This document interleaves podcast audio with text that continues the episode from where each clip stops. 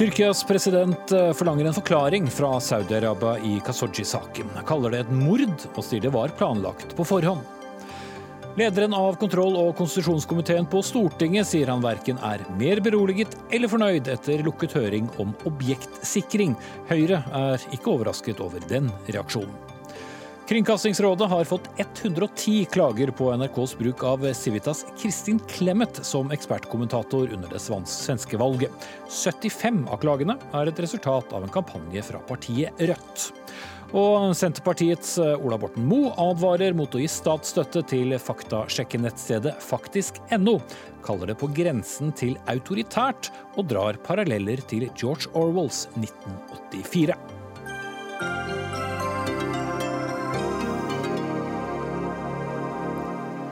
Da sier vi riktig god kveld og velkommen til tirsdagens Dagsnytt 18 med Espen Aas, der vi mot slutten av sendingen også skal diskutere kommersiell surrogati.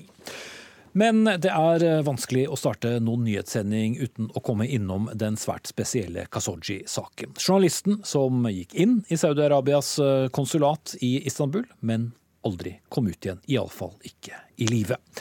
Mordet på Khashoggi ble planlagt på forhånd, hevdet den tyrkiske presidenten Tajib Erdogan tidligere i dag. Etter å ha lovet den nakne sannheten om mordet, holdt Erdogan en etterlengtet tale til nasjonalforsamlingen, der han delte noen av funnene i den etter hvert svært så pikante og storpolitiske drapssaken.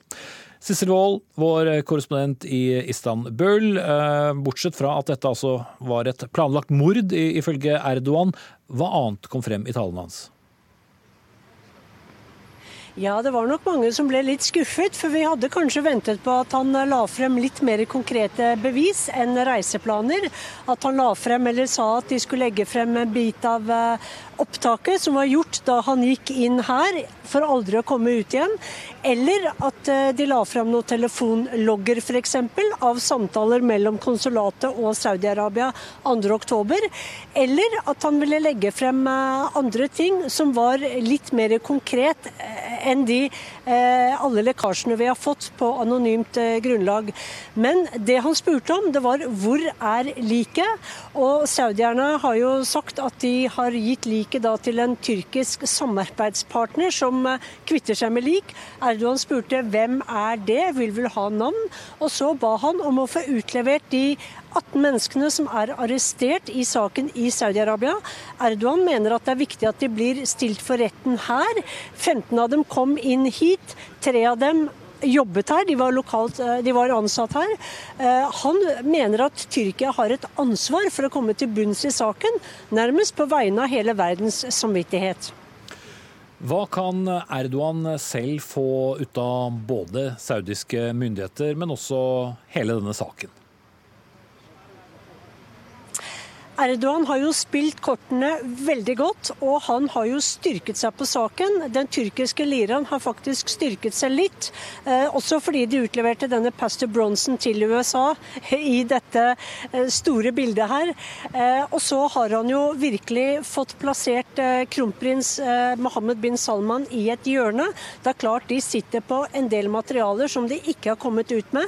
Så i talen sin i dag så var jo Erdogan ganske forsiktig i sin kritikk mot kronprins bin Salman.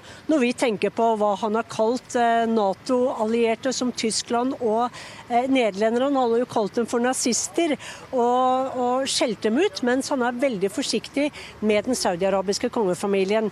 Men det er tydelig at han gir dem litt spillerom til å komme frem med flere bevis, til å legge flere kort på bordet og samarbeide med tyrkerne.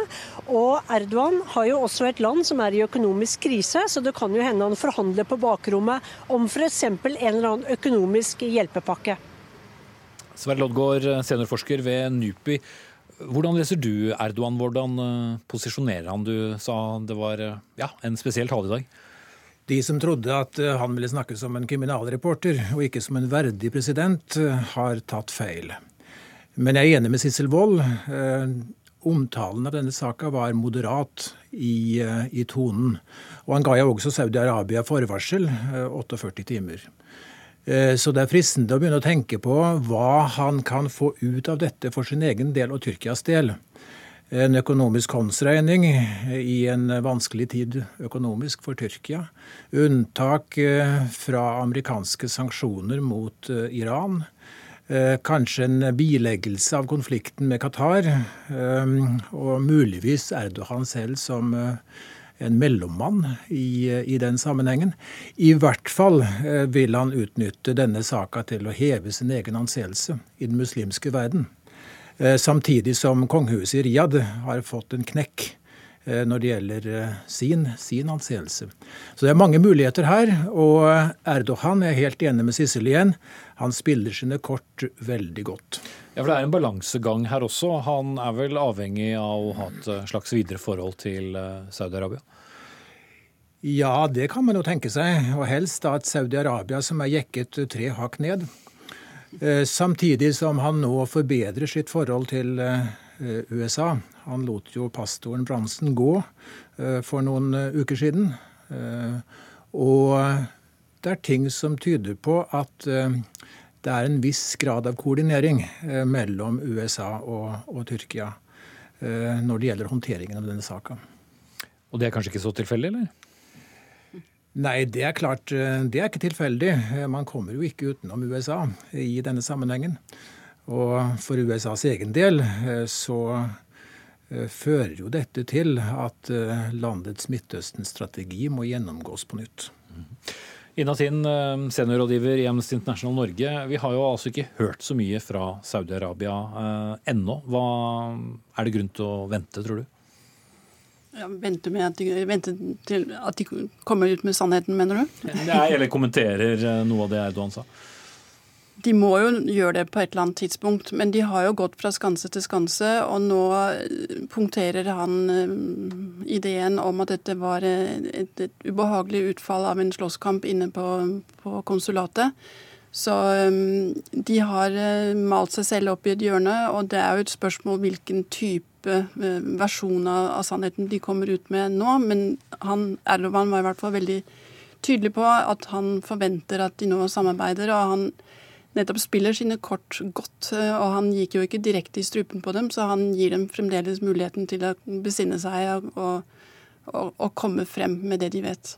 Men så gir han jo da også en masse svar til eh, hele verden, som vi liker å si, som har håpet å få vite noe mer om hva som egentlig har skjedd i denne Kasoji-saken.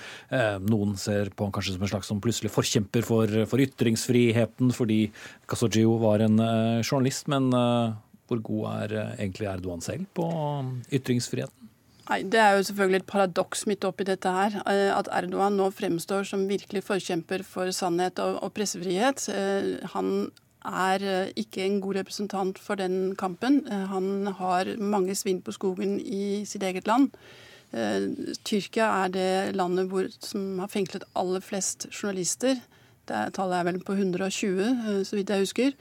Eh, han har etter kuppforsøket i 2016 lukket 180 eh, ca. mediehus og aviser og i det hele tatt. Så eh, pressefriheten har veldig, veldig dårlige kår i Tyrkia. Så det, sånn sett fremstår det jo veldig spesielt at det er han som nå er den store prinsen i denne sammenhengen. Ja, Tilbake til deg, Sissel, i, i, Istanbul. Du har jo dekket noe av dette selv i din tid som korrespondent der. Fremstår det oppsiktsvekkende, denne nye siden vi ser av Erdogan, hvis vi tenker på den litt sterke, sterke mannen, særlig etter dette kuppforsøket for noen år siden, som Minatin snakker om?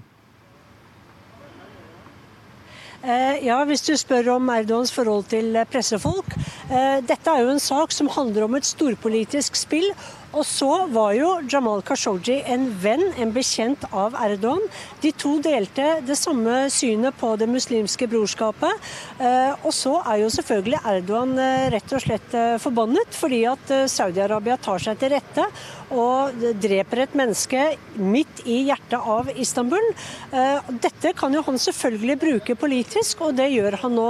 Så det handler ikke bare om pressens kår, men det er klart, det var jo ganske interessant å høre at Erdogan snakket om eh, hvor viktig Khashoggi var som pressemann. Det var det.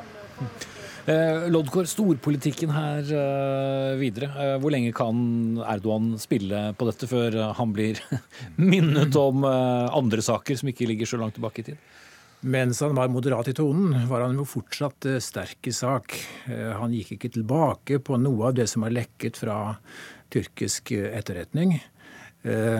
Alle steiner skal fortsatt snus, og han inviterte og oppfordret, som han sa, Saudi-Arabia til å la dødskvadronen komme til Istanbul og stå til rette der. Så saka ruller jo videre, og regimet i Riyadh er fortsatt på pinnebenken. Mm.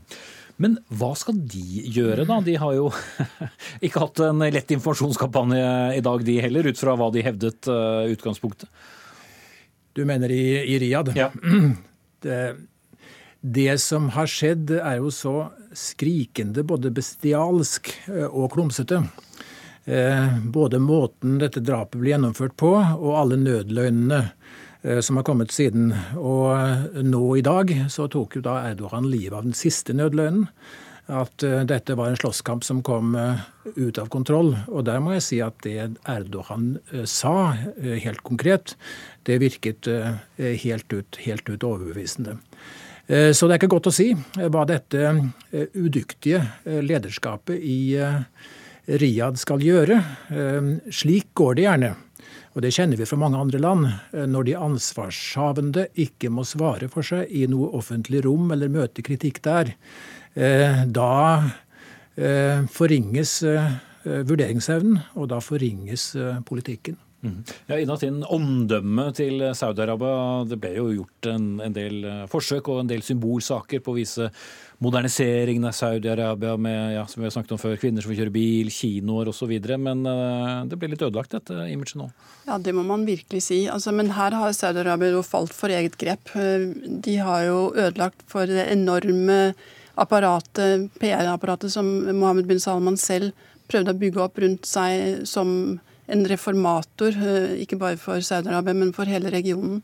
Så det har fått seg en Eh, et skudd for baugen. Eh, spørsmålet nå er jo hvordan potensielle investorer vurderer Saudi-Arabia som et, et, marked å gå inn i. Det er jo nå, som vi vet, en, en konferanse som pågår i, i Riyadh om akkurat disse spørsmålene. Som mange har valgt å utebli fra? Ja. Heldigvis mange viktige spillere. Men, men fremdeles så vil de jo forsøke å, å dra til seg Eh, penger for å reformere eller hva skal vi si, forbedre den saudiske økonomien.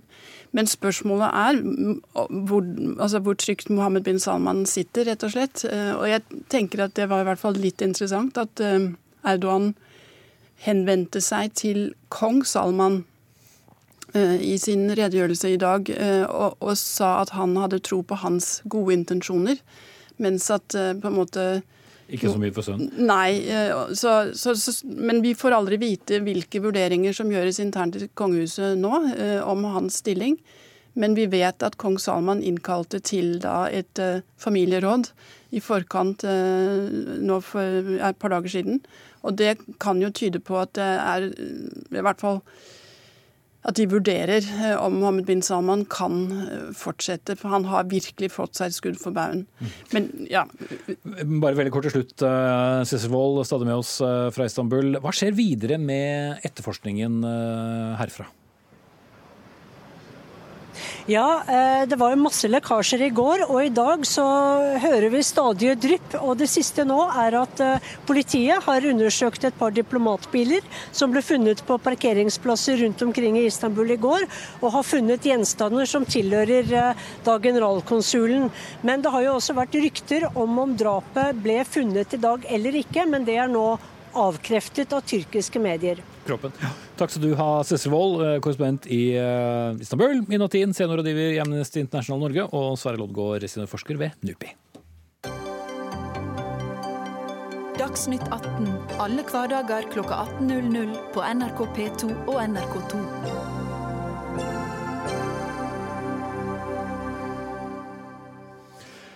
Tro det eller ei, vi skal også i denne sendingen innom eh, Kristelig Folkeparti og deres mulige ferd mot eh, regjeringsdeltagelse.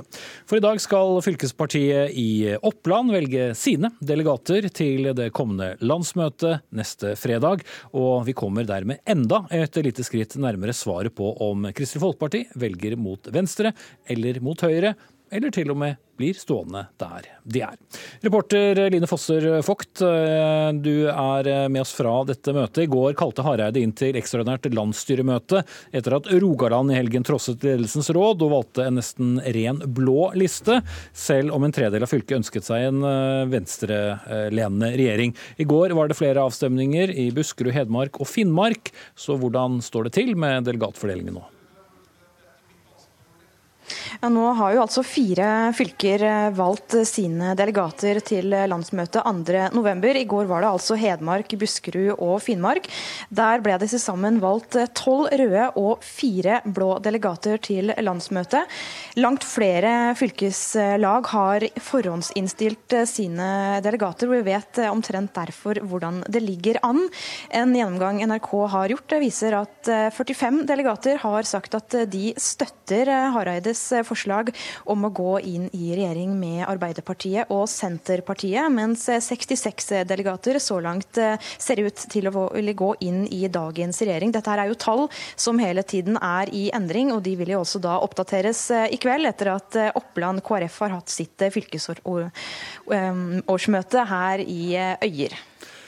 Men ut fra hvordan vi kjenner Kristelig Folkeparti i Oppland, hvilken vei er det grunn til å tro at de vender seg? Signalene viser så langt at det her vil gå mot eh, overhengende støtte for Hareide og mot eh, den røde siden.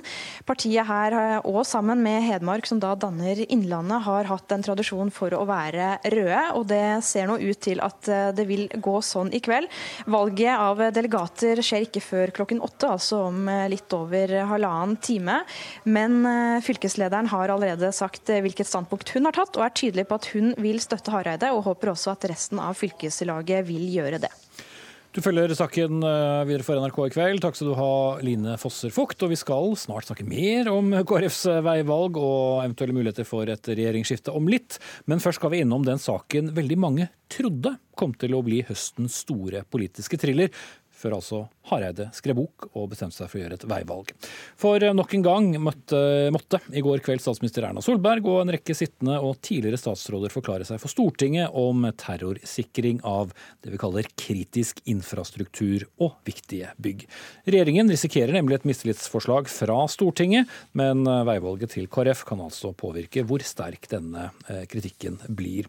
Og Dag Terje Andersen, det var altså lukket høring i kontroll- og konstitusjonskomiteen eh, i går etter Riksrevisjonens kritikk, og heller ikke denne gangen så er dere fornøyd med svarene. Du sier at du er verken mer fornøyd eller mer beroliget ifølge mm, NTB. Hva betyr det? Nei, Det betyr at den høringa vi gjennomførte i går, eh, jo i stor grad bekrefta eh, det inntrykket vi fikk på den åpne høringa. Eh, men det var altså en mulighet til å følge opp de sakene som vi ikke, fikk detaljsvar på på den åpne høringa, for det var eh, ikke offentlig informasjon. Eh, og det ga anledning til å stille spørsmål knytta til en stor del av rapportene fra Riksrevisjonen som er unntatt offentlighet. Begge de to tingene hadde vi da mulighet til. Eh, men jeg vil si at høringa i går bekrefta det inntrykket som vi hadde av den åpne høringa. Og der skulle ikke forundre meg om jeg og Svein Harberg har forskjellig syn på det, men jeg tror vi kanskje kan være enige om at den bekrefta det samme inntrykket som den åpne høringa. Ja, da har jeg knapt noe annet valg enn å gi ordet til deg, Svein Harberg fra, fra, Høyre, og første nestleder i kontroll- og konstitusjonskomiteen. Ja, takk for det. Det er riktig det, at uh, den lukkede høringen ga samme inntrykk som den åpne høringen. Uh, og det er jo bra at det ikke plutselig kommer helt andre ting. Men det var en viktig runde for å kunne gå mer i detalj på underliggende kunnskap, som er viktig for oss å ha i den videre behandlingen. Men det jo mange har lurt på og er kritiske til, er at dette tar fryktelig lang tid. Og vi er allerede på overtid, og mange føler nok kanskje også at, at målet flyttes litt uh, underveis. Så Dag Terje Andersen, uh, hva mener du nå bør skje videre? Ja, og Det du sier der, er jo kritikken fra Riksrevisjonen. At det tar for lang tid. Eh, den, eh, den, forskriften som Forsvarsdepartementet eh, har, sier jo at dette skulle vært ferdig i 2015. Og så kan det jo noen ganger være sånn at noen oppgaver er større enn en først overskua, men det som da er veldig sterk del av kritikken fra Riksrevisjonen, er jo at regjeringa da ikke har sagt at eh, planen blir utsatt, og heller ikke informert Stortinget om hvor mye det vil koste. Det er en vesentlig del av kritikken fra Riksrevisjonen. Eh, og eh, Så er det et tilleggspoeng da, i forholdet mellom regjering og storting. og det er at det var jo en sak som ble behandla i fjor, som omhandla samme tema. Og Da ble det gitt inntrykk at nå begynner det å skje noe. Nå begynner ting å komme i orden. Det var grunnen til at Stortinget ba om en ny rapport, altså den vi nå behandler, eh, fra Riksrevisjonen.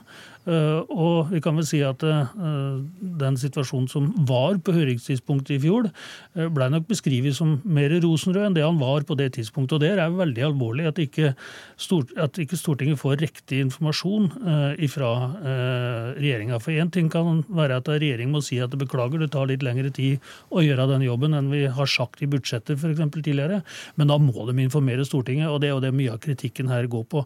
Delvis at, at sikringa er for dårlig, men delvis er det at det ikke Stortinget blir ordentlig orientert om nettopp det. Mm. 2015, da hadde dere sittet uh, om lag to år uh, i, i, regjering, uh, Harberg. hvor mye ansvar mener du de rød-grønne, som for så vidt igangsatte arbeidet, skal ta av dette, eller vil du si at her, her, burde dere gjort en bedre jobb? Ja, her, her, er det flere ting å si. Ja, vi hadde sittet et og et halvt år i regjering eh, når fristen gikk ut, 1.1.15. Eh, og så er det slik at mange av disse tingene tar lang tid. Det er noe av utfordringen òg at det er bare ett år mellom disse rapporttidspunktene som Riksrevisjonen har brukt. Og vi vet jo det at både å forberede et budsjett, forberede planer, for de kvalitetssikret, det tar tid. Derfor er det nok slik at etter at Riksrevisjonens rapport ble levert, den siste, så har vi jo sett resultatene av mye av det arbeidet som skjedde det året. Eh, ja, eh, det tar lang tid. Det tar lengre tid enn en skulle ønske seg. så det, det betyr, betyr, at du selv også synes det dette burde vært ordnet opp tidligere? Vi skulle ønske at dette hadde vært på plass før. Men du var inne på et vesentlig punkt, og det er det at eh, altså, målene flyttes. Dette er litt som å skyte på løpende villsvin, fordi at trusselsituasjonen endrer seg teknologien endrer seg, slik at det er helt andre løsninger i dag enn det var når disse fristene ble satt i 2010. Eh, og Det har heldigvis både statsministeren og flere statsråder sagt at det burde vi meldt tilbake til Stortinget på annet vis. Den, den uh, holdningen der setter jeg veldig pris på. De har sagt at det skulle vi gjort annerledes og mer helhetlig, og nå har de sagt at det vil de gjøre. Hvor langt unna er man uh, en mistillit her da, Dag Terje Andersen? Nei, det er klart Når Riksrevisjonen bruker det sterkeste uttrykket som de har til disposisjon, eh, svært alvorlig, eh, det er det sterkeste Riksrevisjonen kan si. Eh, og da ligger det an til en veldig sterk kritikk fra komiteen og i innstillinga til Stortinget. Hvor sterk han blir, det skal vi få konkludere med når vi er ferdig med den jobben vi nå holder på med, å skrive innstilling og diskutere oss imellom. Men, men, det som gjør saken ytterligere alvorlig, er jo følelsen at regjeringa prøver å, å framstille det her som mindre dramatisk enn det er. Og da begynner du å lure på tar de det virkelig på alvor. I det herre studio, i denne stolen, satt Tor Mikkel Wara rett før sommeren og påsto at det her bare var snakk om litt betong og, og, sikring av politiets egne objekter. Nei, det er altså snakk om vannet i springen, det er snakk om strømmen i pæra, det er snakk om all den infrastrukturen som skal være på plass for at samfunnet kan uh, fungere. Så det sier seg sjøl at det da ligger an til en veldig sterk kritikk fra uh, komiteen. Det tror jeg allerede jeg kan si, og jeg tror det med posisjonspartiene kommer til å være med og kritisere. Men eh, denne store KrF-saken som eh, har på en måte tatt hele den eh, politiske høsten, hvor mye påvirker den prosessen? Nei, altså, I hvert fall jeg for min del gjør den jobben jeg skal gjøre som leder av kontroll- og konstitusjonskomiteen. Det stoler jeg på kontroll- og konstitusjonskomiteen gjør. Og jeg registrerer jo at Grøvan har sagt at kontrollsaken er en sak for seg sjøl. Og, ja, og det må, vi, det må, vi, rett og slett ivareta uh, den rolla vi har for å kontrollere uh, regjeringa. Og når de får så sterk kritikk, så ligger det altså an til kritikk òg fra Stortingets side, helt klart. Mm. Veldig kort til slutt, eh, Svein Harberg. Ja, jeg tror det er viktig å presisere det som Dag Terje Andersen nå sier, at i kontrollkomiteen så har har vi en oppgave, og den tar vi på alvor uavhengig av partitilknytning som utgangspunkt. Og det har jeg tillit til at alle gjør i den saken her. Det er slik vi må behandle sånne saker. Mm. Da sier jeg takk til dere begge. Svein eh, Harberg, stortingsrepresentant for Høyre, og nestleder i kontroll- og konstitusjonskomiteen, og Dag Terje Andersen, leder i den samme. Så skal vi snakke mer eh, politikk, vi. For denne høringen har, som jeg nevnte, altså eh, kommet litt i skyggen av det som har blitt eh, høstens ubestridte thriller, nemlig veivalget til Kristelig Folkeparti.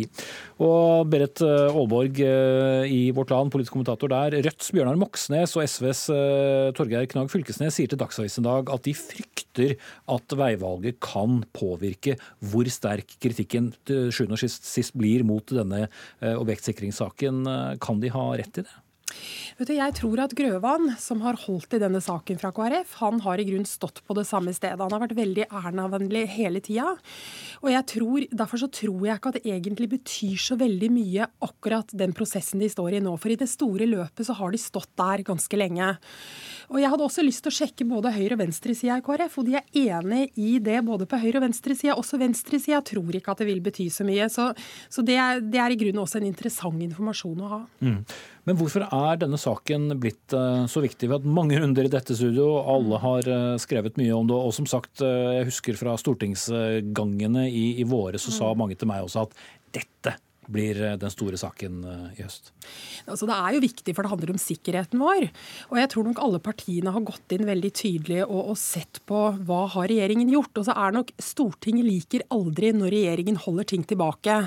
Og det innrømmer vel regjeringen at de har gjort nå.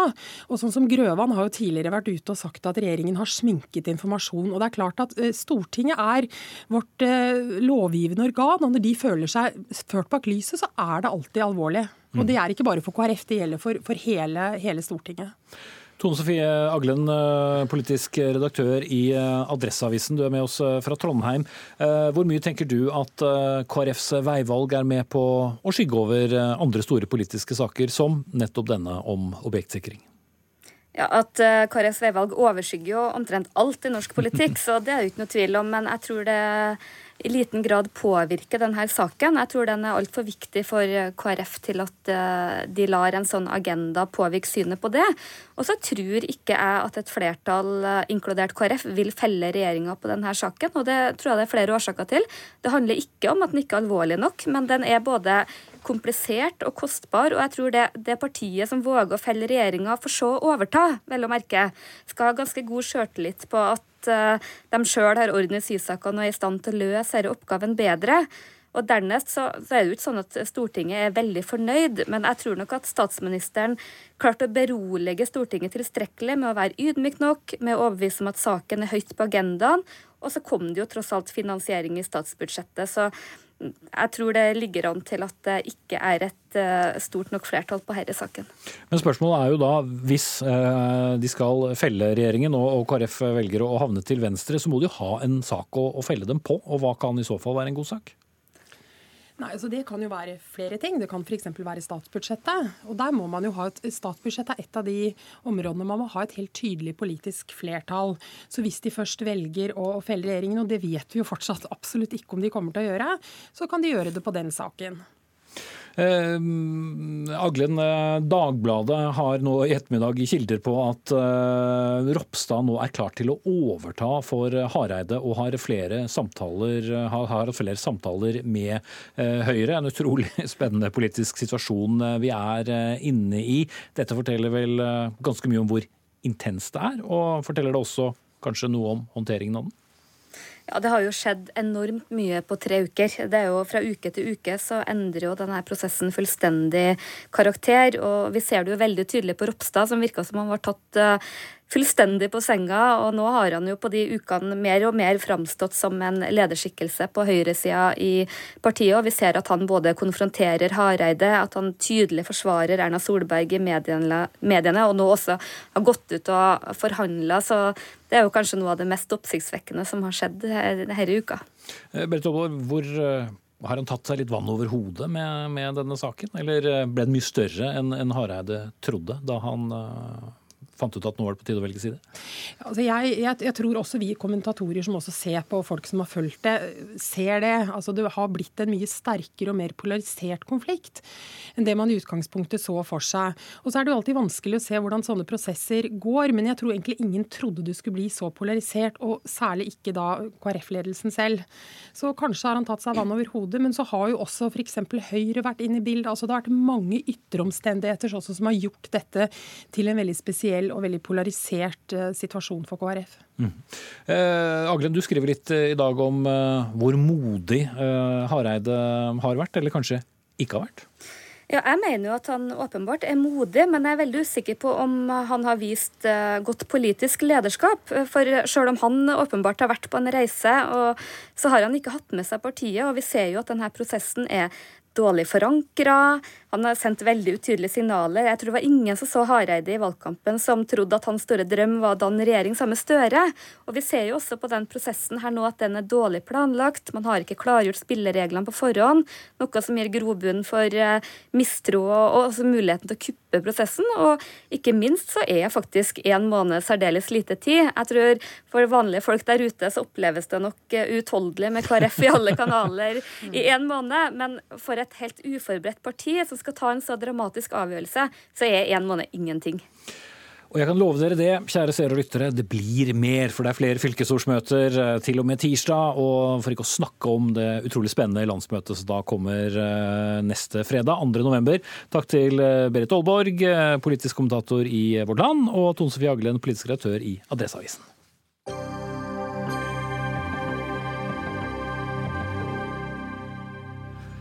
Nå skal vi snakke om eh, kritikken av NRKs dekning av det svenske riksdagsvalget for halvannen måned siden. For eh, Kringkastingsrådet har mottatt ikke færre enn 110 klager på NRKs bruk av Kristin Clemet som ekspertkommentator selve valgdagen 9.9. Clemet er som kjent leder for den liberale tankesmien Civita, og tidligere statsråd og stortingsrepresentant for Høyre. Kringkastingsrådet skal behandle denne saken nå på torsdag, og avisen Klassekampen avslørte i går at 75 av de 110 klagene er et resultat av en kampanje som ble startet av partiet Rødt på partiets lukkede Facebook-gruppe for partimedlemmer. Og Iver Ostebøl, kommunikasjonsansvarlig i Rødt, du sier til Klassekampen at dette overhodet ikke var noen hemmelig aksjon, men det ble likevel først kjent gjennom avisen i går? Ja, det var vel ikke en eh, avsløring på den måten. Vi har aldri prøvd å holde det skjult. Som, Men heller ikke gått som, ut med det, kanskje? Ja, det som skjedde, og Vi har tidligere gått ut når vi har gjort lignende ting. sånn at uh, Grunnen til at det ikke skjedde, var, det var en glipp. rett og slett. Det var mye annet som skjedde. Men det som, som skjedde her, var at uh, det var et voldsomt engasjement i denne saken fra før. Uh, og det la vi merke til blant våre medlemmer. Det sto ting i avisene. Det, det ble diskutert om Kringkastingsrådet er neste ble det spurt i, i Klassekampen. Og så fikk jeg vite at folk hadde begynt å sende inn klager til Kringkastingsrådet. Eh, og det jeg gjør da, det er bare å oppfordre våre medlemmer til å ta det engasjementet i en konstruktiv retning eh, og sende inn klager til Kringkastingsrådet. Og Det er en naturlig ting for et stortingsparti å, mene noe om hvilke politiske kommentatorer som enkelte NRK-programmer eh, velger å bruke? Det som er viktig her, det er at uh, det er ingen av de klagerne så vidt jeg vet, som er imot at uh, Clemet viser seg på NRK. Poenget er at man må ha et skille mellom hvem som gis rollen som uh, politisk observatør, og hvem som gis rollen som politisk deltaker. Og i denne valgsendinga så ble Clemet gitt rollen som politisk observatør. Men hun kom med stadige påstander som er kontroversielle. Hun fikk sette premisser for forståelsen av eh, svensk politikk og valget som hadde fortjent eh, å bli imøtegått. Eh, og det er jo det som er, er problemet. Og det er helt legitimt eh, å, å, protestere på det. Eh, og det er også helt legitimt av meg å vise folk som har det engasjementet i vårt parti, en en retning det engasjementet kan ta ved å sende inn en klage. Mm. Skal rette meg til Bergen nå, og deg Jens Kiel, som nå er kommentator i Bergens Tidende. Du skrev på din Facebook i går at uh, dette liker jeg skikkelig dårlig. Hva er det du misliker med det Rødt har gjort? Rødt har jo eh, blitt et stortingsparti, og de må forstå hva det innebærer. Det gir mange muligheter De kan f.eks. stille mistillit mot Sylvi Listhaug. Men de gir også noen plikter. Og når Stortinget vedtar NRK-lisensen, de vedtar NRK-plakaten, og de velger halve Kringkastingsrådet, så skal de være veldig varsomme med å samtidig gå inn i saker der det ikke engang er sånn at Rødt på en måte er den, hva skal man si, den fornærmede part, men bare mene noe om NRKs dekning av det svenske valget. Eh, og jeg mener at de må på en måte skjønne hvilken, hvilken, rolle de har som stortingsparti. Og da kan man ikke både velge den parlamentariske veien og ha lyst til å drive kampanje eh, mot NRKs dekning. Mm. Så er det legitimt selvfølgelig å kritisere Eh, dekning, og det er legitimt å diskutere NRKs eh, valg det, av folk i studio. Det burde man gjøre hele tida. Men kanskje ikke som parti, da. Mm. Det, var jo, det, var jo, ikke sånn det gikk for seg. Det som skjedde her, var at engasjementet fantes. Det var allerede Så dere fyrte bare litt oppunder? Ja, vi ga det en retning for våre medlemmer og nesten 6500 medlemmer. Og så er jeg enig med Jens Kiel i at for vår stortingsrepresentant så er ikke det å sende en klage til Kringkastingsrådet den mest naturlige måten eh, å mene noe om eh, NRKs eh, dekning. Men for medlemmene så er jo det fullstendig legitimt. Overhodet ikke noe, noe problem. Og særlig, Selv om det oppfordres fra sentralt hold? Ja, Når det da på en lukka Facebook-gruppe for Rødts medlemmer blir sendt ut en, en oppfordring, så er ikke det veldig problematisk. Vi har overhodet ikke prøvd å skjule dette på noe vis. Eh, vi har tidligere oppfordra til at folk burde klage inn ACER-dekninga til NRK. Eh, Jens Kiel eh, protesterte ikke på det når det skjedde. Da var vi også ute i offentligheten og, og forklarte hvorfor. Det skulle vi gjerne gjort denne gangen òg. Så det er overhodet ikke noe plan for vår del om å holde, holde noe skjult. Vi har Eh, vist hva våre medlemmer som allerede er engasjert. Og så er det en viktig ting. Eh, og det er at dersom eh, det var sånn at vi prøvde å konstruere et falskt grasrotengasjement, sånn som man finner eksempler på, i hvert fall fra, fra, utlandet, så ville det vært problematisk hvis dette var noe som var kokt sammen på partikontoret, på en måte. Men her tok vi tak i et engasjement som allerede fantes, og oppfordra til å gi det retning og sørge for at det ble synliggjort for våre medlemmer. Mm. Kiel, du skriver til og med at Rødt leker litt med ilden her.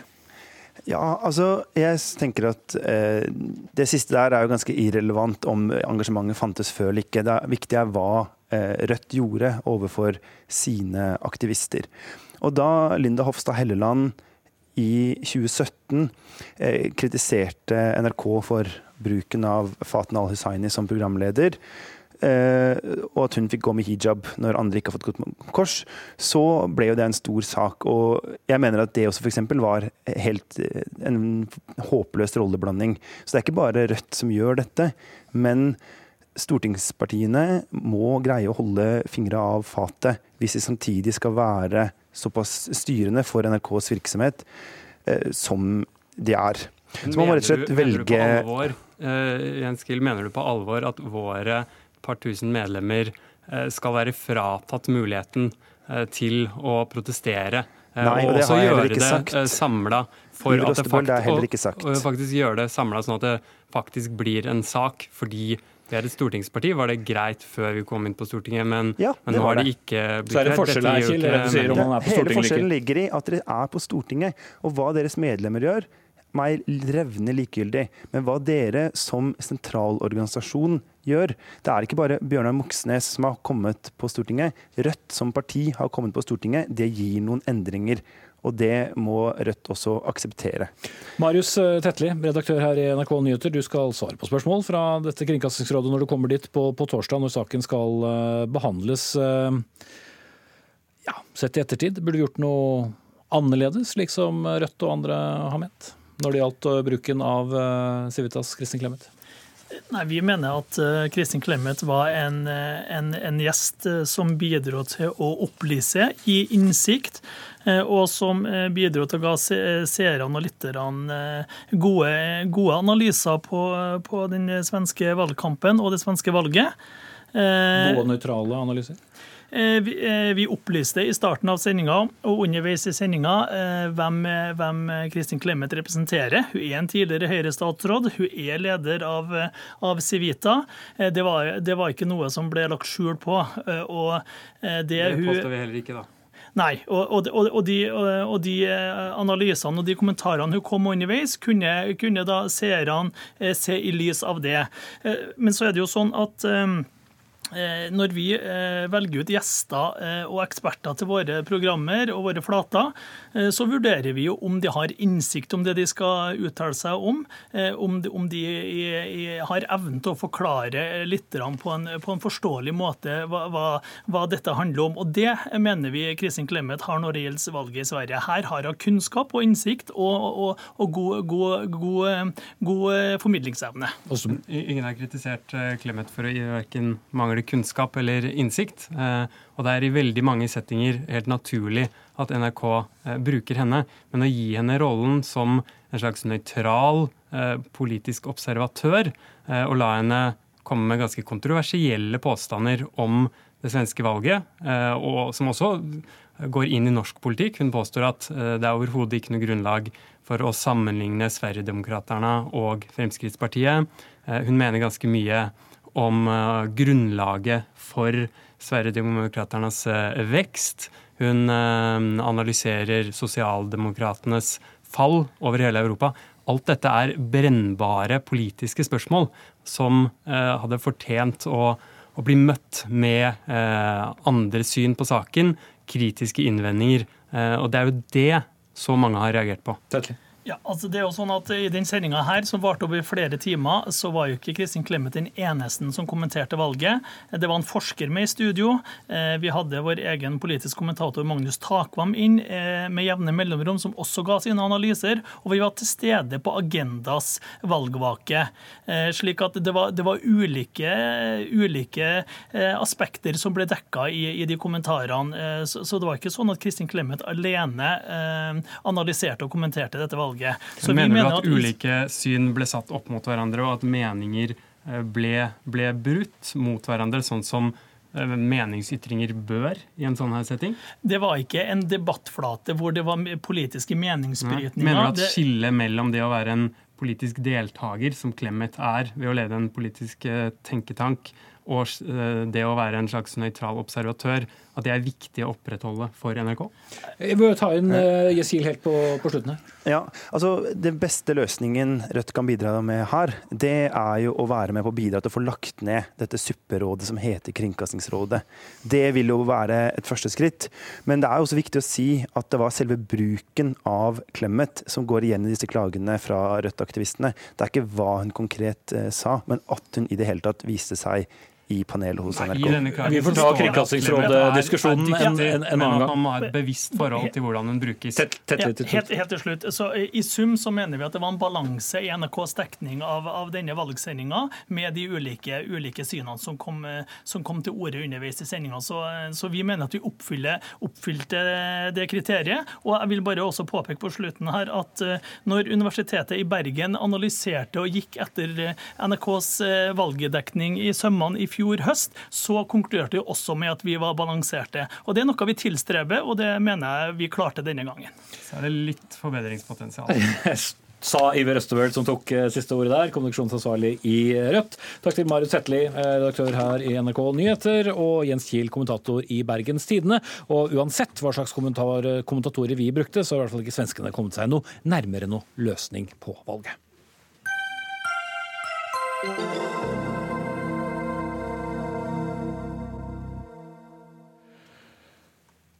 Ingen norske partier har eh, tillatt det, men nå er det på tide å tillate kommersiell surrogati, altså at du skal kunne betale for at en annen kvinne bærer frem et barn for deg. Det skriver varaordfører i Oslo, Kamzy Gunnar Atnam, og stipendiat i filosofi ved Universitetet i Oslo, Aksel Bråden Sterri, i et innlegg i Aftenposten. Og det er kommet flere kritiske svar eh, siden. En av dem er deg, Tilde Broch Østborg, overlege ved kvinneklinikken eh, ved Universitetssykehuset i Stavanger. Hvorfor er du så skeptisk til at kvinner skal kunne føde barn for andre som ikke klarer det selv, mot en økonomisk kompensasjon? Ja, først av alt så vil jeg si at Grunnen til at jeg har valgt å gå inn i denne debatten, i det hele tatt, er fordi kronikken overraskende nok ble frontet av to medlemmer fra Arbeiderpartiet. Fordi Det var ikke noe overraskende for meg at Brann Sterri fremmer et sånt eh, standpunkt eh, ut fra hva han har sagt eh, tidligere, men at det skulle komme fra to medlemmer av Arbeiderpartiet som tradisjonelt sett har vært opptatt av kvinners rettigheter, sikkerhet og velferd, var veldig overraskende for meg. Og Grunnen til at jeg har valgt å skrive det jeg har skrevet, er at fra et medisinsk perspektiv så er svangerskap og fødsel dessverre alltid et risikoprosjekt. Ehm, jeg har tidligere jobbet i grenseområdene mellom Pakistan og Afghanistan for Leger uten grenser, og hvor opptil 21 kvinner dør i fødsel. Og det at vi har klart å få risikoen forbundet med svangerskap og fødsel så lav som den er i Skandinavia, det skyldes et kontinuerlig arbeid i svangerskap og fødselsomsorgen. Men som du altså kan lese i dagens Aftenposten, så får også Norge, i Norge ca. 1 av 40 kvinner en alvorlig blødning, altså over 1,5 liter. Så kanskje baksiden av medaljen da, med god fødselshjelp er kanskje nettopp den naiviteten som Bronn Sterri og andre fremviser i å tenke at det er tilstrekkelig trygt til at man kan tenke på en form for kommersialisering av dette. Nå skal jeg slippe til Aksel Bronn Sterri. Eh, du er altså stipendiat i filosofi ved Universitetet i Oslo. Hvorfor er for å sette på spissen, kvinnekropp og barn noe som er eh, egnet til å drive handel med?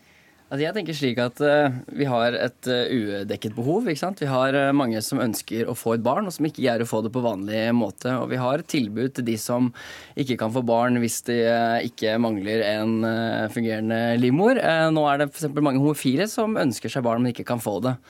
Og da er det spørsmålet bør vi som samfunn stå i veien hvis disse da kan finne en eh, kvinne som ønsker å gå gravid for dem, gi bort barnet og så ta imot penger for det. Det virker som en avtale som altså disse eh, foreldrene, eller forventede foreldrene, ønsker seg altså barn. De kan få dekket det behovet. Det er altså noen kvinner som er villige til å ta på seg den eh, jobben og gjøre det, og motta penger, som også ser ut til å være en bra ting. Så det er spørsmålet nettopp hvorfor vi som samfunn bør stikke kjepper i hjulene for den avtalen.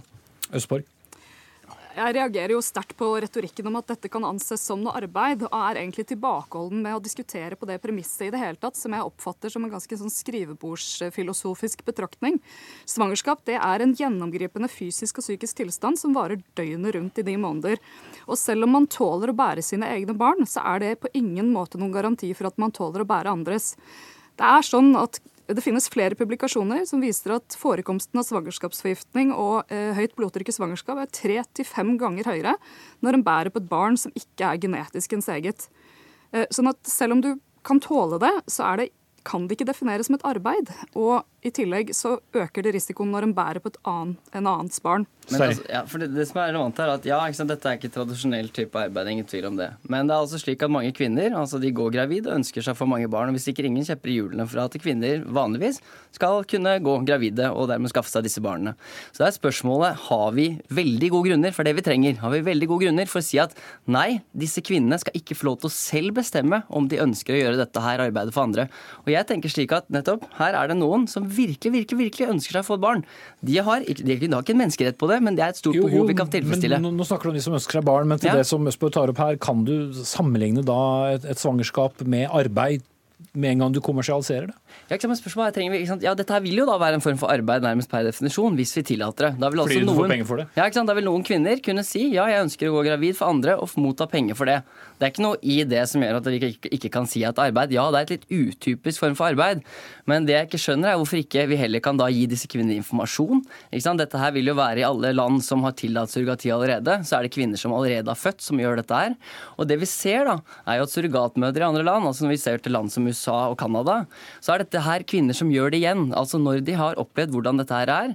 Ja, det, er, det kan være komplikasjoner knyttet til det, det kan være tungt, det er helt åpenbart en byrde for dem, men mange av dem ser dette her som meningsfullt arbeid, og de ønsker altså nettopp å gjøre det igjen. Og hvorfor? Hvis det var slik at dette her var en form for sånn umulighet å påtvinge kvinner, hvorfor er det slik at de gjør dette gang på gang på gang på gang? Østborg, eh, direkte svar på det. Ja, igjen så syns jeg det eh, å definere dette som arbeid ut fra den medisinske kunnskapen som finnes rundt risiko rundt svangerskap og fødsel, er eh, merkelig i utgangspunktet. Og så er det sånn at vi som samfunn har satt noen begrensninger gjennom arbeidsmiljøloven, men også gjennom sexkjøpsloven, for hvordan vi kan definere arbeid og hvilke tjenester vi skal kunne kjøpe av andre.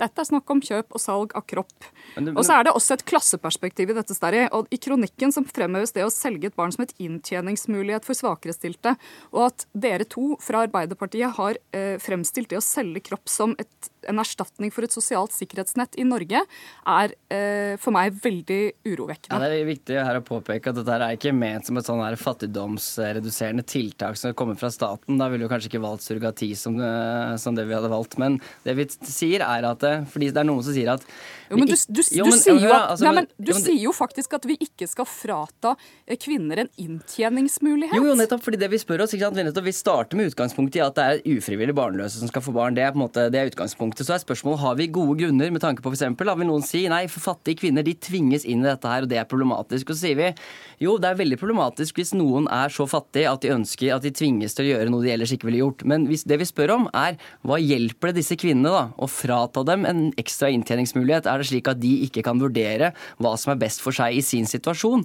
Men hva er forskjellen på det og prostitusjon da, hvis det er argumentet? Jo, nettopp. Og jeg mener jo ikke egentlig at det er uh, forskjeller på akkurat det området der. Så kan vi ta en lengre diskusjon om prostitusjon, men jeg mener nettopp at det samme gjelder der. At det hjelper ikke kvinner som er i en vanskelig situasjon, å frata dem en ekstra inntjeningsmulighet. Det vi gjør som er god sosialdemokratisk politikk, er å gi noen flere muligheter. Vi gir dem uh, velferdsordninger, slik at de slipper å ta på seg arbeid som de ikke vil, og så gir dem flere inntektsmuligheter. Mens det som du ønsker da å gjøre, er jo å frata dem en ekstra inntektsmulighet, og jeg ser ikke at det hjelper fattige kvinner i det hele tatt. Men jeg må bare spørre om en ting. Er hovedproblemet her rett og slett det kommersialiseringen av, av surrogati, eller er surrogati problemet? Jeg tenker at Problemet her ligger på flere nivå. Det ene er på en måte at, man, at dette presenteres som et forslag fra Arbeiderpartiet. Når Brann Sterri sier at dette og prostitusjon kan likestilles, så begynner jeg å skjønne hvor retorikken kommer fra. Um, når det gjelder andre former for surrogati, så eh, er det en kompleks eh, problemstilling. Eh, men for meg så er det koblingen av kommersialisme, manglende syn på klasseperspektiv og kjøp og salg av kvinners kropp som er problemet i dette. Men dette er jo bare ord, det er ikke noen argumenter. dette her, men ja. Ja, jeg må stoppe dere der, faktisk. Det var både argumenter og, og ord her. Aksel Brond Sterri, stipendiat i filosofi ved Universitetet i Oslo, og Tilde Broch Østborg, overlege ved Kvinneklinikken i Stavanger. Eller ved Stavanger universitetssykehus, til og med.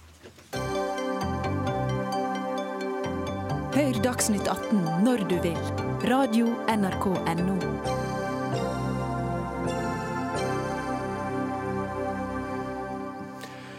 Nestleder i Senterpartiet, Ola Borten eh, Moe, mener det ikke bør gis statsstøtte til faktasjekker-nettstedet faktisk.no. Nettstedet det er eiet av VG, Dagbladet, NRK, TV 2, A-media og Polaris Media, og finansieres i dag også av disse eierne.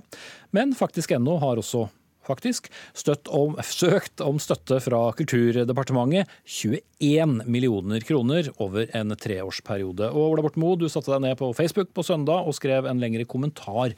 Hva mener du først og fremst er galt med at de i så fall skulle fått statsstøtte? Nei, jeg, jeg har ingen særskilt negativ oppfatning om at media sjøl har oppretta et eh, organ som man mener skal drive med faktasjekk. Eh, jeg syns kanskje at man altfor lett eh, tenker at eh, det er et organ som sitter med den hele og fulle sannhet, og som ikke har sin egen agenda, som ikke har sitt eget utgangspunkt. Det tror jeg er alt for, et altfor lettvint utgangspunkt for både medias rolle og ikke minst faktisk.no sin rolle. Og så mener jeg at det blir ekstra feil hvis man skulle få statsstøtte for da sier jo staten på en måte at uh, man er enig i at dette er et kjempestort problem. Man er enig i at uh, det er den som søker, som sitter på, på løsninger som man vil støtte.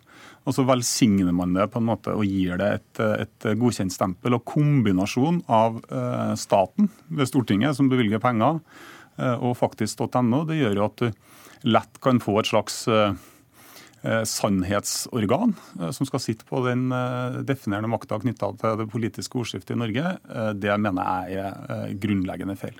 Ja, Du bringer faktisk inn sannhetsministeriet sannhetsministeriumet fra Orwells 1984, som da i boken er et organ som omskriver historien slik at det passer til verdensbildet til den sittende makten. Ja, det, Der falt jeg litt av. Ja, Jeg mener jo ikke at eh, faktisk.no er en, en, konspirasjon for å omskrive eh, verken historie eller faktum. Men det Sannhetsministeriet også er, det er jo noen som skal kontrollere offentligheten, sannheten, samtalen.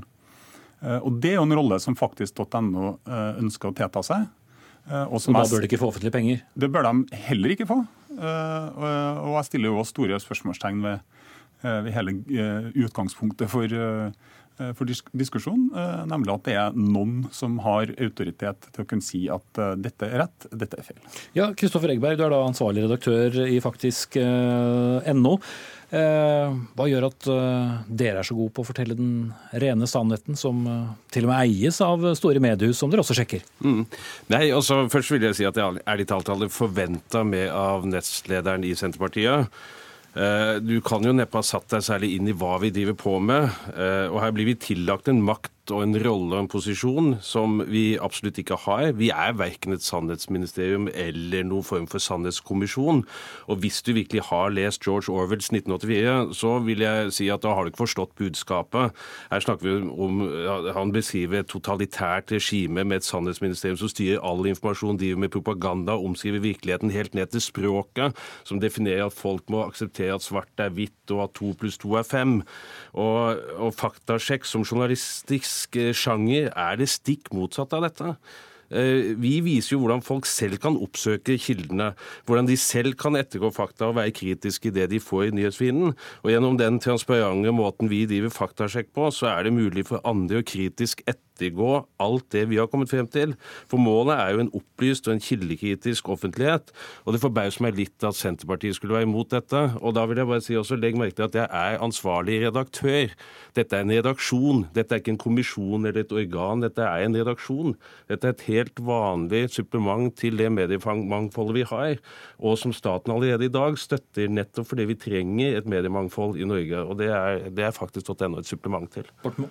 Ja, Staten støtter jo eh, norske meningsbærende aviser eh, gjennom pressestøtta. Det er jo for å bidra til meningsmangfold. Ja, og Man støtter også de andre mediene gjennom bl.a. momsfritak. Og man støtter TV 2 nå med mangfoldige millioner. Og... Ja, da skulle man jo kanskje tro at man hadde nok penger til å drive faktisk.no, hvis man allerede får betydelige midler Eh, ja, men Er det noe galt at faktisk.no på lik linje med disse får støtte? Det kan jo ikke være sånn at alle som mener at man har et eller annet å bidra med, skal rett inn på statsbudsjettet. Nei, og det, Nå er vi inne på en ja. helt annen diskusjon enn det du snakker når du trekker inn George Orwell og en sannhetskommisjon. Så handler ikke denne diskusjonen heller om at jeg dro den sammenligninga på Facebook. Jeg mener at saken står veldig godt på sine egne bein. Om norske medier har lyst til å drive faktasjekk av seg sjøl og andre, vel og bra, det får man bare drive på med. Eh, men eh, det har ingenting på det norske statsbudsjettet å gjøre. Og det gir også signal som jeg vil mene er uheldig i et fritt, åpent demokrati med en liberal, åpen debatt. Men mener du også at det kan være en underliggende agenda? Altså, Du stiller litt spørsmål ved om, om faktisk NO faktisk eh, forteller eh, sannheten? Nei, Jeg tviler ikke på at de sjøl tror at de er eh, uavhengige. Jeg tviler heller ikke på at veldig mange eh, journalister mener det. Men jeg mener også veldig sterkt at Nei, jeg, jeg stiller spørsmålstegn ved at de tror det. Men jeg er òg ganske eh, trygg på at alle sammen kommer fra et sted, alle sammen har en mening, alle sammen har en uh, agenda. Og det som er ærlig og befriende for, for så vidt da med meningsbærende uh, medium som Klassekampen, som Dagens Næringsliv, som Nasjonen og Dagsavisen, det er at du vet hvor de kommer fra. Da kan du plassere dem. Men når det dukker opp noen som påstår at man sitter på den ene objektive virkelighetsfremskrivinga, virkelighetsmåten, så har man på en måte sjekka ut det. Eh, og det blir da eh, for meg noe helt annet. Jo, men til å gå inn i en diskusjon om faktasjekk, så har du satt deg veldig dårlig inn i fakta. Eh, og jeg er enig med at du ikke engang har lest de søknadene du, du kritiserer. Og du har jo åpenbart misforstått hele sjangeren faktasjekk. Eh, vi har aldri påstått, og kommer aldri til å påstå, at vi sitter på den hele og fulle sannheten. Det vi skal være eksperter på, er kildekritikk. Og, og, gjennom det vi gjør, så skal vi vise hvordan folk selv kan bli kildekritiske og ettergå de sannhetene som du snakker om, som, som serveres. Vår jobb er jo verken å fremme eller skyte ned alternative tanker og ideer. Vi er ikke et politisk prosjekt. Det, det dere gjør, det er å stemple ting som enten helt feil eller helt eh, korrekt. Eller delvis sant. Eller delvis sant. Da har du tydeligvis ikke lest hele faktasjekken. og Det vi først og fremst gjør, er at vi viser hvordan du kommer frem til fakta. Vi er helt åpne om det, og, og vi er helt åpne for kritikk også. Og det er jo det dere er kjent for, og det er det som er det bærende elementet i prosjektet. Og jeg må faktisk. Eh, sist opp der, Ola Borten Moe, nestleder i Senterpartiet, og Kristoffer Egberg fra faktisk.no. Bare si at det akkurat kommet nyheter om at det har skjedd en pågripelse i Majorstua-drapet i Oslo. Det blir mer om det i Dagsrevyen eh, nå klokken 19. Ansvarlig for sendingen det var Anne Katrine Førli. Teknikken styrte Hilde Tosterud. Her i studio, Espen Aas.